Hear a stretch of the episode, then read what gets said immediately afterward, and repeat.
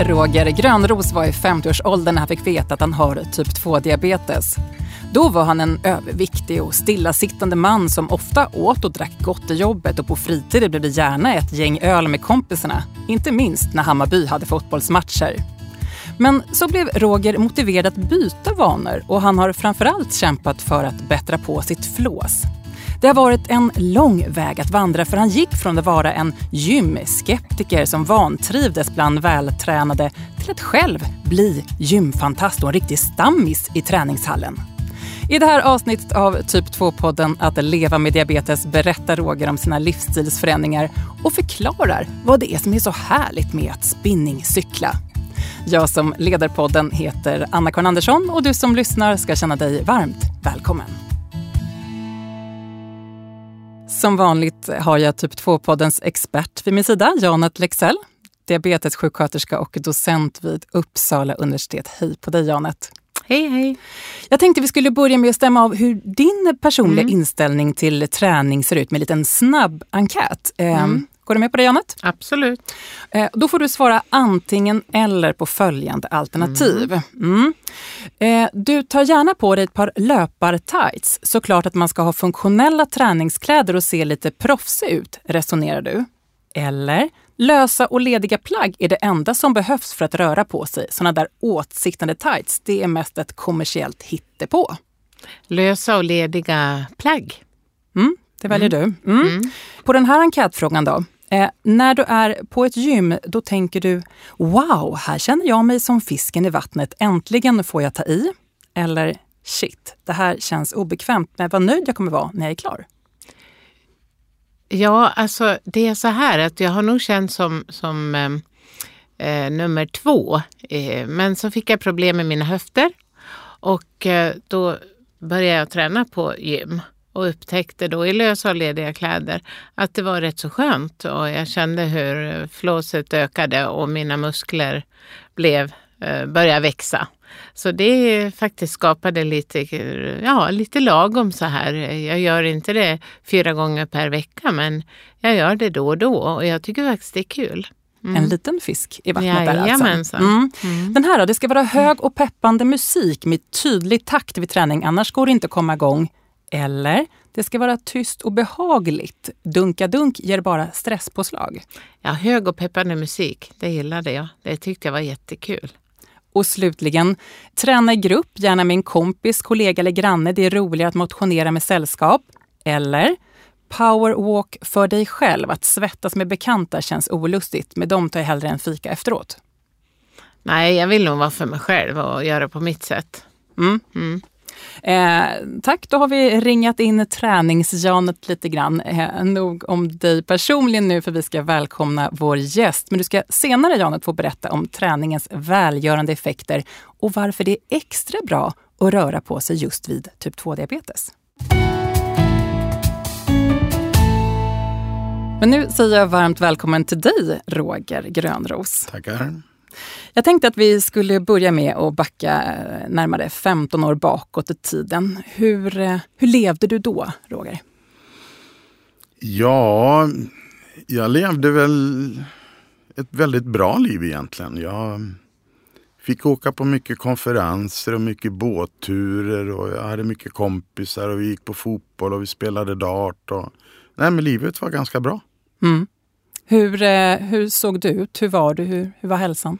Ja, det var väl lite si och så. Jag rörde mig väl inte speciellt mycket och jag vägde väl uppåt en 130 kilo. Det är klart att när man klev ur bilen så fick man jobba lite, knyta skosnöret var ännu jobbigare. Men liksom man sköt bort det där på något sätt. Det andra var så bra också. Mm. Eh, du var trött också när du kom hem eh, på kvällarna. Hur, hur, hur var livet där hemma? Jag upptäckte ju aldrig det där själv utan det var ju mer min familj som speglade hur tråkig jag var för att jag hann ju knappt äta klart. Och de hann absolut inte äta klart förrän jag sov redan på soffan. När jag åkte till jobbet så somnade jag och åkte förbi tunnelbanestationen jag skulle kliva av. Och jag var jämt helt slut. Ingen ork till någonting. Mm. Men själv reagerade du inte riktigt. Nej. Men det var en kompis till dig som uppmärksammade att du borde kolla upp det här med hälsoläget eh, i, i en biltur. Berätta, hur ja, var det? det, det, var, det var någon storm där eh, i december 2004 måste det ha varit. Så um, var jag på väg till Nusnäs för hans tak hade nästan blåst av på, på sommarstugan. Så jag lovade att följa med honom och när vi kom till Sala och skulle ta en korv då sa han, men vad fan, ursäkta svordomen, Roger, du har ju, du har ju druckit en och en halv liter grape tonic och du har pinkat fem gånger på en och en halv timme. Du har ju socker. Jag reagerade inte så mycket mer av det men så kom jag och pratade med min sambo. Undrar om jag har socker för jag pinkar så mycket, dricker så mycket och sådär. Då sa hon, jag kan ta med mig en sticka. Och så tog vi ett prov på 13 aftons morgon. Och den där stickan blev ju knallgul eller var det röd eller vad den nu blev. Så vi ringde sjukvårdsupplysningen och de tyckte vi skulle åka in direkt. Och det tog väl 10 minuter så jag kopplade med alla slangar i världen.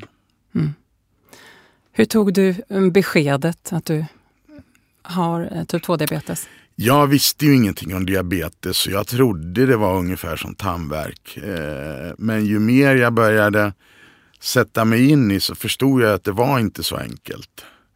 Eh, ja, jag, jag visste inte speciellt mycket och det gjorde att jag heller inte i början var sådär jätterädd.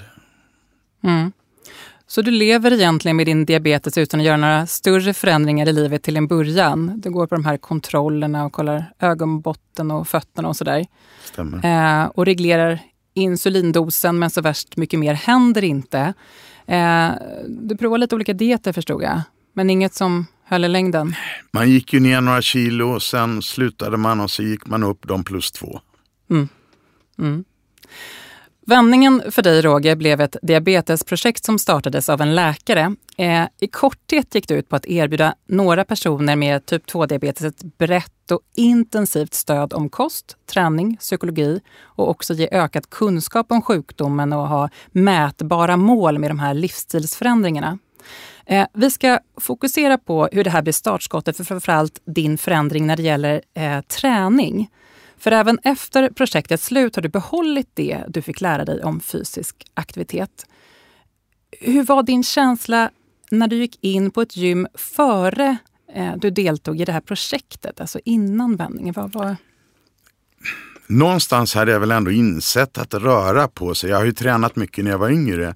Eh, så var det ett erbjudande 2000 11 i början av året från vårt gym i Åkersberga där man fick ett helt års medlemskap för 1000 kronor och det tecknade jag. Och sen någon vecka senare när jag hade rotat fram lite träningsgrejer så, så tänkte jag att nu går jag dit. Och då var det en ganska brant trappa upp till receptionen. När jag kom halvvägs så såg jag genom fönstret en ja, 8-10 grabbar som var bredare över axlarna än vad de var långa. Väldigt vältränade. Så jag vände i dörren, eller i trappan och så gick jag hem. Och så gick jag dit ett år senare. Första vardagen efter påsk kommer jag ihåg. Hur kom du över den här gymskepsisen? Då? Vad gjorde att du gick tillbaka och faktiskt vande dig? Jag måste ju skylla lite på det här projektet för att, att projektledaren lyckades ju övertyga mig och få mig att förstå att om du tränar lite så kommer det att ha synas på dina sockervärden. Så det var väl orsaken till att jag vågade mig dit i alla fall och sätta mig på en motionscykel. Varför blev det just en motionscykel? Därför att jag hade ju troligtvis på grund av övervikt så hade jag ju förstört mitt vänsterknä och lite fotboll får vi skylla på också. Ja. Så att jag kan inte springa eller hoppa eller utan då blir det plastknä nästa gång. Så därför blev det en motionscykel. Och det blev sen också en, en vana för dig. Eh, och med tiden började du till och med känna dig hemtam i träningslokaler. Vad, vad är ditt recept? Hur kan man gå från att ha ett orört gymkort till att bli lite av en stammis? Ja, för det första, och det, det låter väl som en klyscha, men man måste bestämma sig någonstans. Det är de här valen eh, om man pratar om lite livsstilsförändring så måste du göra vissa val. Och ett, är, ett av dem är ju då att våga gå in på gymmet och börja. Sen kan man alltid fundera på, har jag någon kompis som gymmar? Ja, det har du säkert. Och då kan man väl fråga han eller henne. Eller så kan man faktiskt, om man har några kronor över, så tar man en PT för att eh, det är en ganska stor trygghet att ha en kompis eller en personlig tränare som börjar tala om vad ett gym är. Om du aldrig har varit i ett gym förut. Mm. Hur mycket tränar du idag? Fyra, fem gånger i veckan. Det är mycket. Ja. ja. Hur får du tiden? Ja, det är inga problem. Det ingår på något sätt i att man bestämmer sig för att leva på ett annat sätt.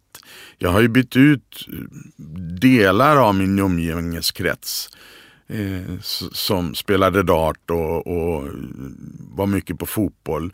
Och de har jag bytt ut mot att jag har gymkompisar idag. Och det finns en annan fördel med det här när man är 64 år. att Medelåldern på ett gym är ju under 30 vilket gör att du får en massa goda förebilder att tänka lite annorlunda också.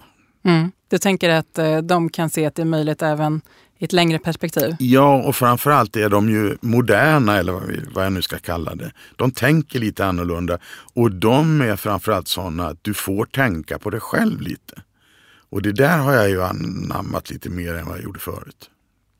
I samband med din ökade träning så bytte du även delar av din kost så det är svårt att säga effekten av just bara träningen. Men sammantaget, hur har eh, de här förändringarna du har gjort påverkat hur du mår och din diabetessjukdom? Ja, alltså, jag har ju inte tagit, jag tog fyra gånger insulin 2012 när jag startade. Sen dess har jag aldrig tagit insulin. Eh, jag tar Metformin det har ju gjort att, att eh, stundtals så mår jag ju så bra att jag funderar på, liksom, är det, står det rätt i passet? eh, därför att eh, nej men hela mitt liv har blivit annorlunda. Jag har skrivit på kontrakt att jobba längre än pensionsålder. Jag tycker jobbet är jätteroligt. Eh, allt är mycket roligare. Därför att den här resan är ju inte bara vikt och fysik utan det psykologiska följer med. Mm. Så målbilden är inte att vara snygg på beachen utan? Nej, utan det är skjuta rullatorn framför mig. Sen får man tolka det hur man vill. Tack Roger för att du delar med dig av dina upplevelser här i Typ 2-podden. Vi ska prata mer med dig alldeles strax, men nu närmast höra vad vår expert har att säga om syftet med att träna när man har diabetes. Ja, Janet Lexell, vår kära expert i podden. Jag vänder mig till dig eh, nu. Eh, först, vad, vad, tänker du efter att ha hört Roger berätta om sin resa från den här trötta soffpotatisen till spinningfantast? Ja, men det är, ju, det är ju så medryckande på alla sätt och vis. Det är verkligen inspirerande, måste jag säga. Vi vet att det är bra att röra på sig och det är något som framhålls som extra betydelsefullt när man har typ 2-diabetes. Varför är det bra att träna om jag har diabetes, vad har det för betydelse just för sjukdomen, Janet? Ja, det är ju det att eh, träningen i sig gör ju att blodsockret eh, går ner. Alltså det är bra för blodsockerbalansen. Mm. I vårt avsnitt eh, Pers val promenader eller sprutor pratar du Janet också om träningens välgörande effekter vid diabetes. Så jag passar på att tipsa lyssnare även om det avsnittet. Eh, Roger har ju varit en sån som vänt i dörren till gymmet för att det stått en massa vältränade typer där. Tror du andra kan känna igen sig i det? Att man känner sig liksom obekväm i träningsanläggningar? Ja, det tror jag absolut. Men, men min erfarenhet är ju att jag tycker det är väldigt många i 60 plus som också tränar på gym idag. Roger fastnade för eh, träningscykeln. Hur mm. kan man göra för att hitta sin grej? För det underlättar ju att träna om man hittar något som man tycker är kul. Eller i alla ja. fall inte trist. Ja, jag tror att man får prova på lite olika saker. Sen ska man ju inte förringa den här vardagliga eh, fysiska träningen heller som man gör varje dag. Eh, promenerar, eh, håller på i trädgården, städar. Allting sånt är ju bara plus. Men såklart om man vill ha det som ett eh, intresse så då måste man ju ta sig till en gym eller något annat som man tycker är kul. Simma som jag tycker är kul till exempel. Att hitta någonting som gör att, och så prova några gånger och så kan man börja reflektera sen att ja men faktiskt jag blev lite piggare av den där promenaden eller jag blev lite piggare av den där simturen. Mm. För det händer något. Men du, det låter mycket i mina öron. Fyra gånger i veckan som, som Ja. Roger tränar. Var, var ska jag lägga ribban? Ja, alltså basic är ju att ja, i vart fall försöka att röra sig ungefär 30 minuter varje dag i, så man får upp flåset lite grann.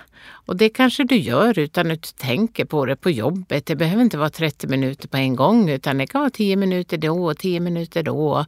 Ja, som vi har pratat om förut, eh, gå i trappan istället för att ta hissen. Eh, gå av bussen tidigare. Ja, ta de här små tillfällena i akt. Och, och får det effekt för min hälsa och min diabetes Ja. om jag tränar, som du säger, då, lite mer sporadiskt och, och kanske inte lika intensivt som Roger? Absolut, det får det. Mm.